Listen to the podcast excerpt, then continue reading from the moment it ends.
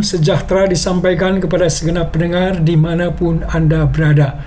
Kiranya Anda semua berada dalam keadaan sehat dan dalam kasih perlindungan Tuhan senantiasa. Tema kali ini mengangkat tema Yerusalem Kota Mulia. Bacaan dari Wahyu 21 ayat 1 sampai 4. Saudara-saudara yang kasih dalam Kristus Yesus Tema kita yang berbunyi Yerusalem kota mulia adalah sebuah nyanyian yang dinyanyikan oleh Hosanna Singer. Link atau lirik kata-katanya adalah sebagai berikut. Oh Yerusalem kota mulia, hatiku rindu ke sana. Oh Yerusalem kota mulia, hatiku rindu ke sana. Tak lama lagi Tuhanku datanglah bawa saya masuk ke sana. Tak lama lagi Tuhanku datang, bawalah saya masuk ke sana. Kata-kata lagu ini diinspirasi oleh janji Tuhan Yesus dalam bacaan kita di Wahyu 22 ayat 1 sampai 4. Ayat-ayat ini menggambarkan penglihatan Yohanes tentang langit yang baru dan bumi yang baru yang akan menjadi tempat tinggal Allah dan umatnya. Kota Yerusalem yang baru melambangkan kota Allah yang sempurna dan umat Tuhan disatukan di sana dengan Kristus yang datang sebagai mempelai pria. Di sana tidak akan ada lagi kesedihan, tidak akan ada lagi penderitaan atau kematian, karena Allah akan menghapus segala air mata dan membuat segala sesuatu baru. Inilah janji penghiburan, janji pengharapan bagi orang-orang percaya yang menantikan kedatangan Tuhan.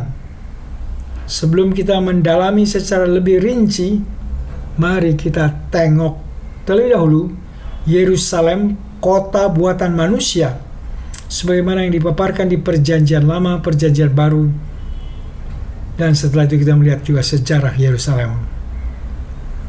Menurut Alkitab, kota Yerusalem dibangun oleh orang Kanaan dan disebut sebagai Gunung Yebus pada masa Perjanjian Lama. Kota ini tidak pernah direbut ketika Kanaan ditaklukkan oleh Yosua dan tetap dikuasai oleh orang Kanaan sampai Daud menjadi raja. Tentara Daud menyerbu kota tersebut dan mendudukinya dan Daud menjadikannya ibu kota kerajaan. Raja Salomo, putra dan pengganti Raja Daud, dengan perkenan Tuhan, membangun bait Allah pertama di Yerusalem. Disebut juga sebagai bait Salomo, dibangun tahun 957 sebelum Masehi. Bait Allah ini perlu kita ketahui menggantikan kemah suci kemah pertemuan, tempat imam-imam mempersembahkan korban selama perjalanan di padang gurun. Dan bait Allah menjadi bangunan yang permanen, tempat ibadah umat Israel yang diwakili oleh para imam. Bait sayangnya dan sebagai fakta sejarah, bait Allah yang pertama ini dihancurkan oleh Babel pada tahun 586 sebelum Masehi Kemudian konstruksi bait yang baru dimulai tahun 535 sebelum Masehi. Pembangunannya selesai pada 12 Maret 515 sebelum Masehi. Pembangunan bait disusun oleh Kores yang agung dan disahkan oleh Darius yang agung. Bait Allah kedua ini juga dengan menyedihkan harus dikatakan dicatat dihancurkan oleh tentara Romawi pada tanggal 4 Agustus tahun 70 Masehi. Terjadi setelah pengapungan Yerusalem. Pada tahun 70 Masehi bait kedua ini di Yerusalem dihancurkan oleh kekaisaran Romawi. Hal ini secara efektif mengakhiri pemerintahan Yahudi di tanah Israel. Sampai kepada tahun 1948. Dampak penghancuran bait Allah pada umat Yahudi secara rohani dan secara psikologis sangat besar. Karena apa? Bait Allah merupakan pusat kegiatan agama dan pusat politik bagi orang-orang Yahudi. Kehancuran bait Allah yang telah menjadi simbol kekuasaan dan keberadaan Yahudi selama berabad-abad merupakan tantangan yang besar bagi umat Yahudi.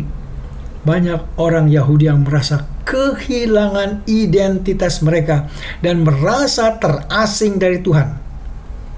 Mereka juga merasa kehilangan tempat suci mereka dan dari mereka terasing di dibawa ke pembuangan dan mereka juga kehilangan tanah air mereka. Kehancuran bait Allah juga memicu perubahan dalam agama Yahudi. Ibadah yang tadinya berpusat di bait Allah Yerusalem sekarang terjadi desentralisasi dibagi-bagi di banyak bagian di banyak bagian negeri berdiri apa yang disebut sinagoge atau rumah pengajaran di mana Taurat diajarkan. Di sana tidak ada lagi upacara pengorbanan seperti di bait Allah. Perlu dicatat bahwa bagi kita orang Kristen tidak ada upacara pengorbanan lagi seperti di bait Allah. Mengapa? Karena Tuhan Yesus telah mati di kayu salib sebagai korban satu-satunya dan tidak tergantikan untuk penebusan dosa-dosa kita di mana segala hukuman dosa kita ditimpakan kepada Tuhan Yesus di kayu salib. Tuhan Yesus menanggung hukuman dosa kita sebagai anak domba Allah yang telah disediakan Allah Bapa. Untuk itu kita harus terus mengingat itu dan mengucapkan syukur untuk pengorbanan Tuhan Yesus. Peringatan ini kita lakukan ketika mengadakan perjamuan kudus. Di samping itu setiap hari di dalam doa-doa yang kita bawakan, syukur kita naikkan terus dengan tidak henti-hentinya untuk pengorbanan Tuhan Yesus di kayu salib karena melaluinya segala dosa-dosa kita diampuni dan kita mendapatkan kehormatan menjadi anak-anak Allah yang maha mulia dan maha kudus.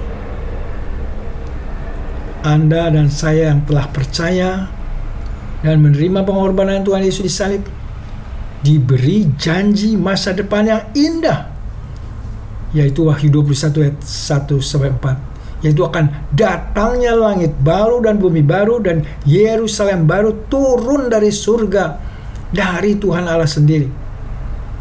Bagaimana suasana digambarkan dalam bacaan kita di sana tidak ada lagi air mata. Dunia tempat kita berdiam ditandai dengan air mata. Air mata adalah tanda dari kesedihan. Kesedihan adalah tanda penderitaan. Dalam dunia ini masih banyak orang yang kelaparan. Bencana alam yang silih berganti. Bencana peperangan yang sambung menyambung. Sakit penyakit yang menghabiskan tabungan seseorang Apakah Anda dan saya pernah menderita? Apakah Anda dan saudara sekalian saat ini sedang berduka dan mengeluarkan air mata? Di masa kini, Tuhan Yesus juga peduli terhadap air mata dan penderitaan Anda. Percayalah, Tuhan Yesus mau menolong Anda Berserulah kepadanya, mohon pertolongannya. Dan alami keajaiban pertolongannya yang menyatakan bahwa dia adalah Tuhan yang hidup. Tuhan yang peduli. Di Yerusalem baru digambarkan pula tidak ada lagi maut. Di dunia sekarang ini ada orang yang mau mati tetapi tidak mati-mati. Yang lainnya belum mau mati karena hartanya banyak tetapi kematian mendatangi juga. Di dunia ini semua orang karena dosa Adam dan Hawa pada waktunya tanpa terkecuali akan mati. Kematian terjadi karena penyakit, karena bencana, karena usia lanjut. Bagi orang yang beriman di dalam Kristus ada jaminan kematian jasmani di dunia ini hanya mengantar jiwa rohnya ke surga Bagi yang di luar Kristus tidak ada jaminan seperti itu. Dengan demikian, kita sebagai orang beriman tidak harus takut lagi menghadapi maut.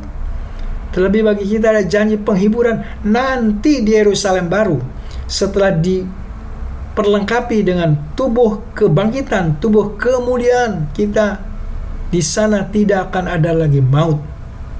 Dengan demikian tidak ada lagi air mata, tidak ada lagi bencana, tidak ada lagi penderitaan dan tidak ada lagi kemiskinan. Kemudian Wahyu 21 ayat 9 sampai 11 menjelaskan mengenai keindahan dan kemuliaannya yang melampaui segala bayangan manusia. Ayat 12 11 menjelaskan keamanan dan kesucian yang diberikan tembok dan pintu-pintunya yang lebih utama lagi ini perlu digarisbawahi yang lebih utama lagi dan yang terpenting ayat 22 dan 23 menggambarkan kehadiran dan kemuliaan Allah. Dan anak domba yang menjadi terang sukacita dan kemuliaan kita. Bacaan kita menekankan pesan utama dari gambar ini itu bahwa Yerusalem baru adalah kota Allah yang penuh kasih, anugerah dan kemuliaan bagi umatnya. Pendaftaran masuk ke Yerusalem baru masih terbuka. Satu saja persyaratannya, yaitu percayalah kepada Tuhan Yesus yang hari-hari kelahirannya diperingati pada hari-hari Natal. Tuhan Yesus ini akan datang kembali untuk kedua kalinya membawa Yerusalem baru. Sekarang ini percayalah kepada Tuhan Yesus sebagai juru selamat yang mengampuni segala dosa-dosa orang percaya. Kemudian Jadikanlah dia Tuhan penguasa dalam hidup kita di dunia ini.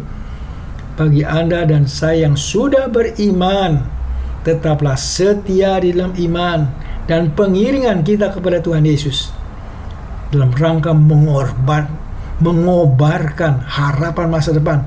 Marilah kita sering-sering menyanyikan lagu ini. Oh Yerusalem kota mulia, hatiku rindu ke sana Oh Yerusalem kota mulia, hatiku rindu ke sana. Tak lama lagi Tuhanku datanglah, bawa saya masuk ke sana. Tak lama lagi Tuhanku datanglah, bawa saya masuk ke sana. Amin.